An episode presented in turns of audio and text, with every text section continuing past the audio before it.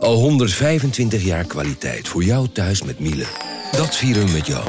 Ontvang nu tijdelijk een cashback tot 125 euro op veel Miele-apparatuur. Geniet van de kwaliteit van Miele. Voor perfect verzorgd wasgoed en kleding die veel langer mooi blijft. Voor een stralend schone vaat, even perfect als jouw diners. En een stofvrij thuis waarin echt hygiënisch schoon de standaard is. Check miele.nl voor alle feestelijke aanbiedingen. Ik ben al jaren ondernemer, maar waar moet ik eigenlijk allemaal aan denken nu ik voor het eerst personeel wil aannemen, voor het eerst ga importeren of voor het eerst een bedrijfslocatie zoek? Weet wat je wel of niet moet doen bij zaken die je voor het eerst oppakt. Check kvk.nl voor praktische stappenplannen. KVK, hou vast voor ondernemers.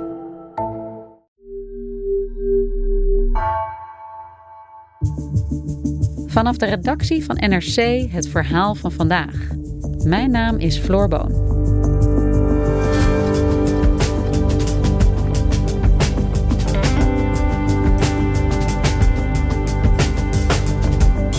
De asielzoekerscentra in Nederland zijn vol.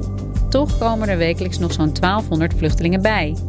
Noodopvang wordt daarom razendsnel uit de grond gestampt, al zijn die plekken ongeschikt om mensen langere tijd onder te brengen. Shaila Kamerman bezocht de noodopvang in Schinnen. Waarom heeft Nederland eigenlijk te weinig plek om asielzoekers op te vangen?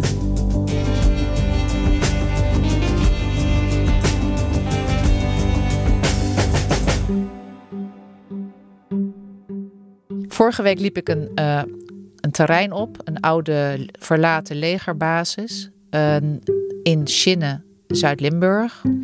En daar stond Leon Giesenaar mij op te wachten. Een, uh, ja, een vriendelijke man, begin 50. Hoi, ik ben van NRC. Hij heeft daar in de afgelopen week had hij daar een uh, noodopvang voor asielzoekers uh, gebouwd. Hij was er nog, uh, nog in dat proces, dat was nog niet af. Maar hij zou me laten zien hoe ver hij inmiddels was.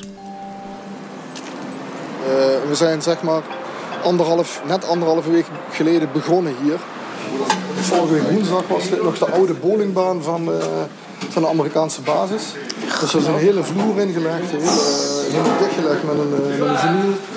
En afgelopen zaterdag hebben we met bewoners alle tafels in elkaar geschoven, de stoel op de plek gezet.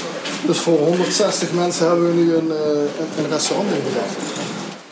Ik zag dus een aantal vervallen gebouwen en op een voormalig sportveld een aantal enorme witte tenten. Nou, hij deed de deur open. Het was van tentcel gemaakt, maar er zit dan een soort van normale deur in. Die deed hij open en dan zie je dus rijen met kamertjes, een soort cabines. Wauw zeg, ongelooflijk. Dit is de, de grootste. Hier kunnen we nou, rond de 160, uh, 170 mensen. Het zijn gewoon allemaal kamertjes. Ongelooflijk. Ja, nou, hier liggen nog niet de, de matrassen erop. Dat is nog iets wat vandaag moet gebeuren. En in die cabines, als je daar dan uh, het gordijn opzij schuift, want er zit geen deur in, er zit ook geen plafond in. Um, stonden vier stapelbedden. Dus uh, plek voor acht mensen om te slapen. Acht kasten, acht matrassen en acht uh, laken- en dekenpakketten. Dus klaar om mensen daar uh, te ontvangen. Hier komt nog een matras op, linnenpakket en, en lockers die afsluitbaar zijn voor, voor ons. Zo'n cabine is dan denk ik 4 bij 8 of zo. Dus dat, ja, dat is vrij krap. Ze verwachten daar iets van 450 mensen. Dit is echt een noodvoorziening en van hieruit moeten ze dan doorstromen naar, uh, naar een regulier AZC. Maar dan moeten daar natuurlijk wel plekken zijn. Ja, want komen er dan nu ineens zoveel nieuwe mensen en asielzoekers naar Nederland dat er op stel en sprong allerlei nieuwe opvangplekken moeten worden gerealiseerd? De afgelopen maanden is het aantal asielzoekers echt flink toegenomen. Dat klopt, ja. Sinds eigenlijk augustus, september. En binnen een week, dat klinkt best wel stressvol eigenlijk om dan heel snel iets te moeten realiseren waar mensen ook echt kunnen verblijven. Het is echt enorme stress voor de mensen die daar werken. Voor hem, hij, hij werkt echt uh, van ochtends vroeg tot s avonds laat. Ja, een mega operatie. Dat is uh, een, uh, een, militaire operatie van, ja, dat is in een week is dat helemaal neergezet. Want het is niet alleen, je denkt als leek, ik dacht van ja oké, die mensen moeten slapen, dus tenten, daar moeten dus soort, er staan dan een soort cabines in, daar moeten stapelbedden in, er moeten matrassen komen. dekens, lakens. Nou ja, goed, dat zijn allemaal de dingen waar je, waar je dan zelf aan denkt. Maar er is zoveel meer. Het moet namelijk ook allemaal brandveilig zijn. Dus je moet zorgen dat er genoeg nooduitgangen zijn. Er moet goede verlichting zijn. Er moet wifi komen. De mensen moeten eten. Dat betekent dus een cateraar die dat allemaal kan realiseren. Maar ook een keuken en een plek waar ze kunnen eten.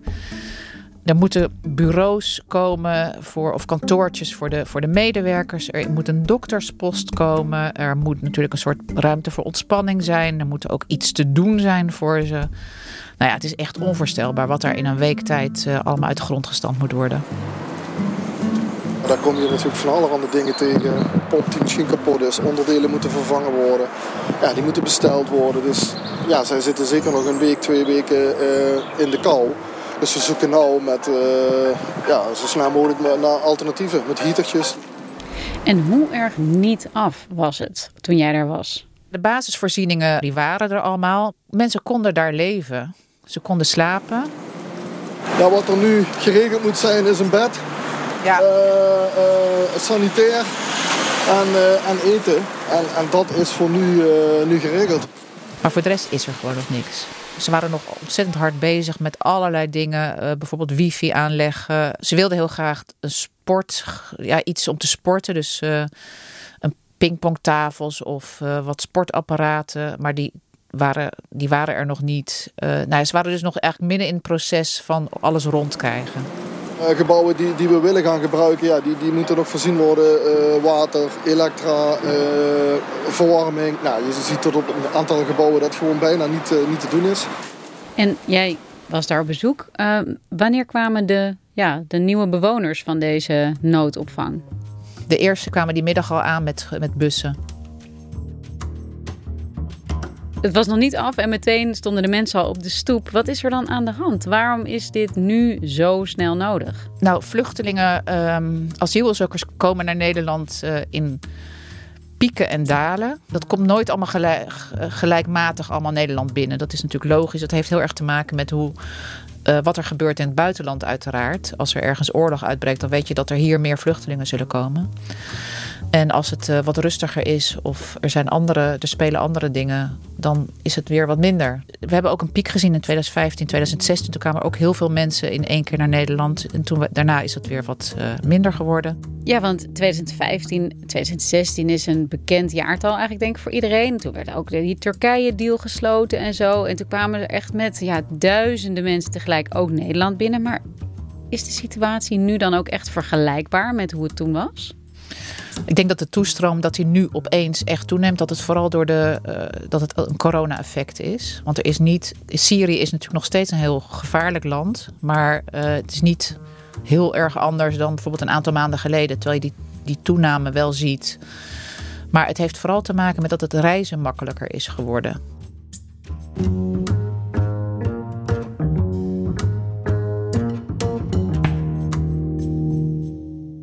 2015 kwamen er 57.000 mensen in, het, in dat jaar naar Nederland. Dat was een enorm aantal. Dat hebben we nu, halen we nu dit jaar niet.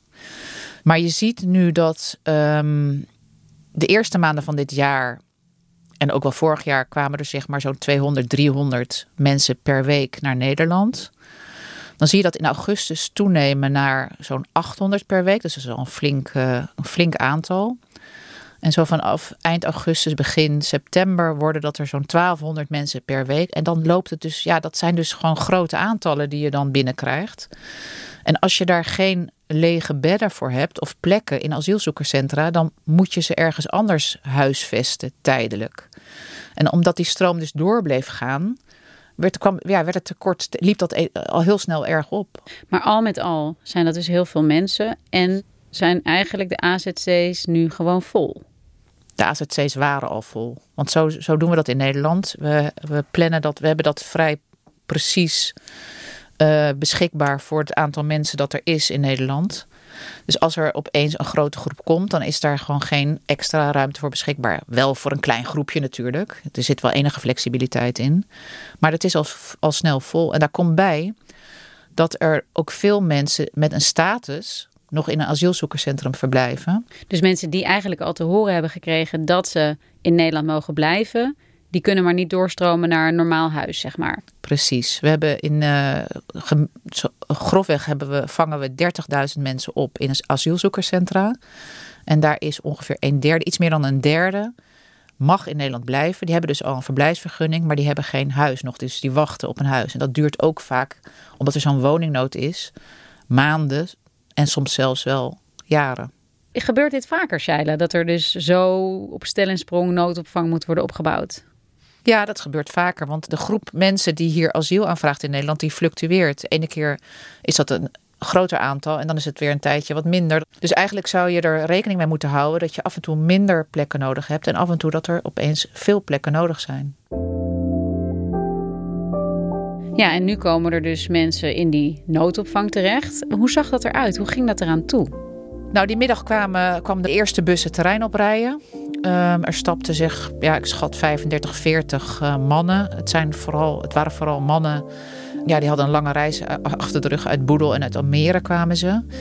En ze, waren natuurlijk, uh, ze hadden natuurlijk al hun spullen bij zich. Dus ze hadden sleepte koffers mee en plastic tassen. Ja, en die stonden ook een beetje om zich heen te koekeloeren. Waar zijn we in godsnaam nu terechtgekomen? Zijn de collega's al met de bewoners daar of zitten de bewoners nog in de bus? Even per kamernummer bij elkaar dan.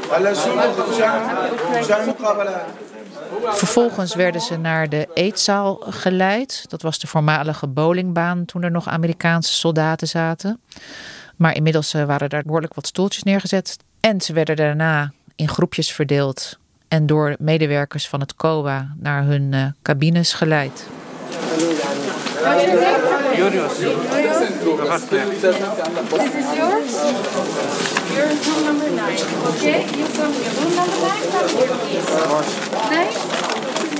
En wat vonden ze ervan, van die noodopvang? Nou, die, die eerste, die middag, uh, waren ze allemaal nog een beetje uh, beduust. De volgende dag was ik daar weer op, uh, op, die, uh, op die legerbasis in Schinnen. En daar stonden een aantal mannen buiten sigaretje te roken in de herfstzon. You came all from Boedel? No, uh, Boedel en Almere. Almere. Almere. Ze waren eigenlijk vrij uh, pissig. Ze hadden heel slecht geslapen, zeiden ze. Het is, het is ook heel erg gehoorig, want die, uh, die cabines hebben geen dak. Dus het zijn open cabines en je hoort dus eigenlijk alles van elkaar. Dus je ligt gewoon heel erg dicht op elkaar. Heel weinig privacy. Sommige mannen hadden dan zo'n hun laken zo voor hun bed gehangen, zodat ze nog iets een beetje afscherm, konden afschermen. Maar ja, je zit gewoon uh, hutje, mutje op elkaar. Uh, ja, ze vonden het ook stinken. En de een vond het koud, de ander vond het weer te warm. Maar ze vonden in ieder geval uh, erg onplezierig. Everybody talk is here very bad. Ja? All, all talk is here very bad. Very good. Ik moet wel zeggen dat, het, uh, dat ik daarna ook mensen sprak die, uh, die dachten van ja, in godsnaam dan maar. Ik ben hier veilig. Die had je er ook tussen zitten. Die sprak ik later ook. Daarnaast is het gewoon, het blijft een tent. Weet je, dus dat het blijft een tent uh, met houten vlonders. Ik bedoel, je kunt er wonen, maar het is natuurlijk, de winter komt er nu aan ja, het is niet een ideale opvangplek natuurlijk voor mensen. Maar er is, geen, er is geen keuze. Er komen nu op dit moment erg veel mensen naar Nederland en er zijn geen genoeg plekken in de asielzoekerscentra. Wat mogen mensen die hier in Nederland asiel aanvragen eigenlijk verwachten als ze hier in ieder geval een procedure hebben om te kijken of ze in Nederland mogen blijven? Nou, als je in een asielzoekerscentrum terechtkomt, wat eigenlijk de normale gang van zaken is als er genoeg plek is, dan zit je natuurlijk ook niet uh, in je eentje op een luxe kamer. Het is allemaal vrij sober. Maar het is toch wel iets um, iets meer dan deze mensen kregen, zou ik maar zeggen. En wat vooral ook heel belangrijk is, je krijgt daar dan uh, vaak wat geld om zelf te koken voor jezelf, waardoor je je leven iets meer in eigen hand hebt. Deze mensen, uh, ja, die zitten dus op de, op de manier waarop ik net beschrijf. Hè, dus in die, in die cabines, in die grote tenten. En die krijgen dus drie keer per dag eten. Maar zitten verder eigenlijk ja, een beetje te wachten tot wat er met hen gaat gebeuren. Dus het is, het is allemaal nog iets soberder dan, wat, uh, dan de opvang normaal gesproken. Even nadenken. Is het dan eigenlijk in Nederland zo slecht geregeld dat er gewoon geen rekening wordt gehouden met dit soort ja, wisselende instromingen? Met het wisselende fluctuaties in uh, asielzoekers dat naar Nederland komt? Ja, dat klopt. Het is, het is maar hoe je dat soort dingen uh, ziet. Je kan ook zeggen van het is ook zonde om uh, een paar duizend lege bedden te hebben. Maar feit is dat je dus die fluctuaties niet ziet aankomen vaak. Of in ieder geval niet goed genoeg. We worden er elke keer weer door overvallen. En dan moet je dus die noodopvang als een gek uit de grond gaan stampen. En dat kost ook natuurlijk erg veel geld. Hoeveel geld daarmee precies mee gemoeid is, dat weet ik ook niet. Maar dat wisten zij namelijk ook niet, want dat, eh, ze zitten er nu middenin. Maar je moet ook die terreinen huren, je moet terreinen ook krijgen. En dat is ook, eh, mensen zijn daar gewoon, de gemeenten staan daar niet uh, om te springen, om al die uh, alleenstaande mannen te huisvesten. Dus het, is, het levert een enorme stress en gedoe op. Want in deze discussie begint het vaak met waar kan überhaupt een plek worden gebouwd? Is de gemeente überhaupt bereid om asielzoekers op te vangen? Ja, dat klopt voelt ook een beetje uitzichtloos in zekere zin. Als je de hele tijd afhankelijk bent van lokaal draagvlak voor uh, ja, een kwestie die, toch, die we toch als land met elkaar moeten oplossen. Ja, dat is ook wat Leon en Kees uh, zeiden tegen mij. Die zeiden ook van, kijk, je moet ook niet onderschatten wat het voor een moeite kost om elke keer weer te gaan onderhandelen met een gemeente. Of je daar alsjeblieft een tijdje mag bivakeren. En dan is de bevolking weer tegen. En als je daar op een gegeven moment een asielzoekerscentrum hebt, dan zijn, is de plaatselijke bevolking daar heel vaak helemaal niet zo tegen. Want dan, zien ze, dan leren ze die mensen kennen en dan blijkt dus dat ze ook naar de supermarkt komen en dat het ook wel voordelen en dat ze misschien ja, dat er een bepaald contact ontstaat.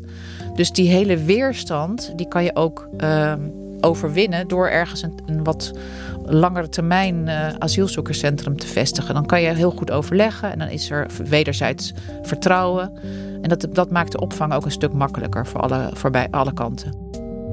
Wat is hier eigenlijk de oplossing voor?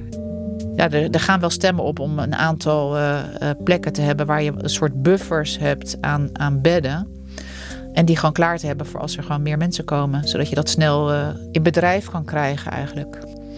Leon, de baas van deze locatie, die is ook voor zo'n bufferopvang. Het is wel wat maar, maar al jaren natuurlijk de lobby voor is om ja, toch wat plekken, wat meer plekken in een buffer te hebben. Uh, maar de problemen die we daarmee hebben is natuurlijk de financiering. Wij worden gefinancierd per bewoner. Ja. Uh, en bewoners die er niet zijn, ja, die krijgen we niet gefinancierd. Dus als je dan plekken moet vrijhouden, en hoeveel, om hoeveel gaat het dan? Maar je zult wel meer uh, met, met buffers moeten gaan werken baas van het COA heeft ook aan, het, aan de formerende partijen nu gevraagd uh, of gezegd van uh, ja, er moet hier eigenlijk een oplossing voor komen. Elke keer die noodopvang uit de grond stampen, dat is geen doen. We willen gewoon structureel wat bufferopvangplekken hebben zodat we gewoon mensen, als er, als er op een gegeven moment meer mensen aankomen, arriveren, dat, dat daar gewoon plek voor is. Ja, want is het dan eigenlijk een kwestie van geld? Of is het een kwestie van de wil en de politieke wil om dit op een bepaalde manier in te richten? Vooral het laatste. Want in 2015, 16 hebben we dus ook een enorme aantal mensen gehad. En toen was het eigenlijk nog lastiger. Want behalve noodopvang, zoals in China, waar ik uh, nu dus was, moesten toen mensen ook in, in een paar dagen in gymzalen en in, in, in sporthallen en ja, huisjesparken uh, ondergebracht. En moesten ze voortdurend verhuizen, soms wel elke dag. Nou, dat was echt helemaal uh, enorm belastend voor die mensen die toch net uit het buitenland komen en ik weet niet wat allemaal hebben meegemaakt. Dat wil je eigenlijk liever niet. Uh, toen werd er gezegd, ja, dat, dit willen we niet nog een keer. En het zit er nu weer tegenaan dat het wel weer gebeurt. En dat, is, dat heeft gewoon echt te maken van, stop, willen we dat? Zorgen we dat die, dat die opvang beschikbaar is? Uh, voor als er weer meer mensen zijn. Dat, dat is dus niet gebeurd. Hey Shaila, jij schrijft al heel lang over uh, deze problematiek ook. En ook over uh, überhaupt vluchtelingen en de aankomst van mensen in Nederland en AZC's. Als je nou kijkt naar wat jij nu ziet en wat je aantrof in Chine, is dit dan veel slechter dan je eerder hebt gezien? Of past het wel een beetje in de manier waarop Nederland sowieso omgaat met de opvang van ja, vluchtelingen en asielzoekers? Ja, dat laatste. Het past heel goed. Het hangt eraf van wat de, wat de, uh, de politiek hierover beslist. Hè, want je kunt ook zeggen, we willen graag niet al te gastvrij overkomen.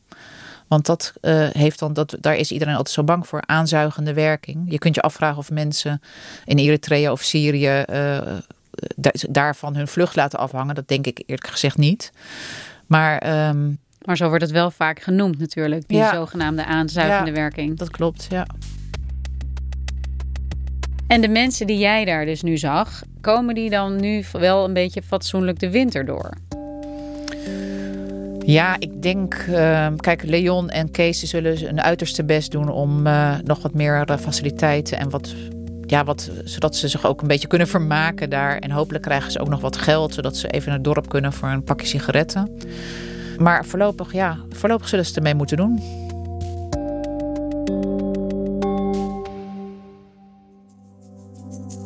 Dankjewel, Shaila. Graag gedaan, Floor.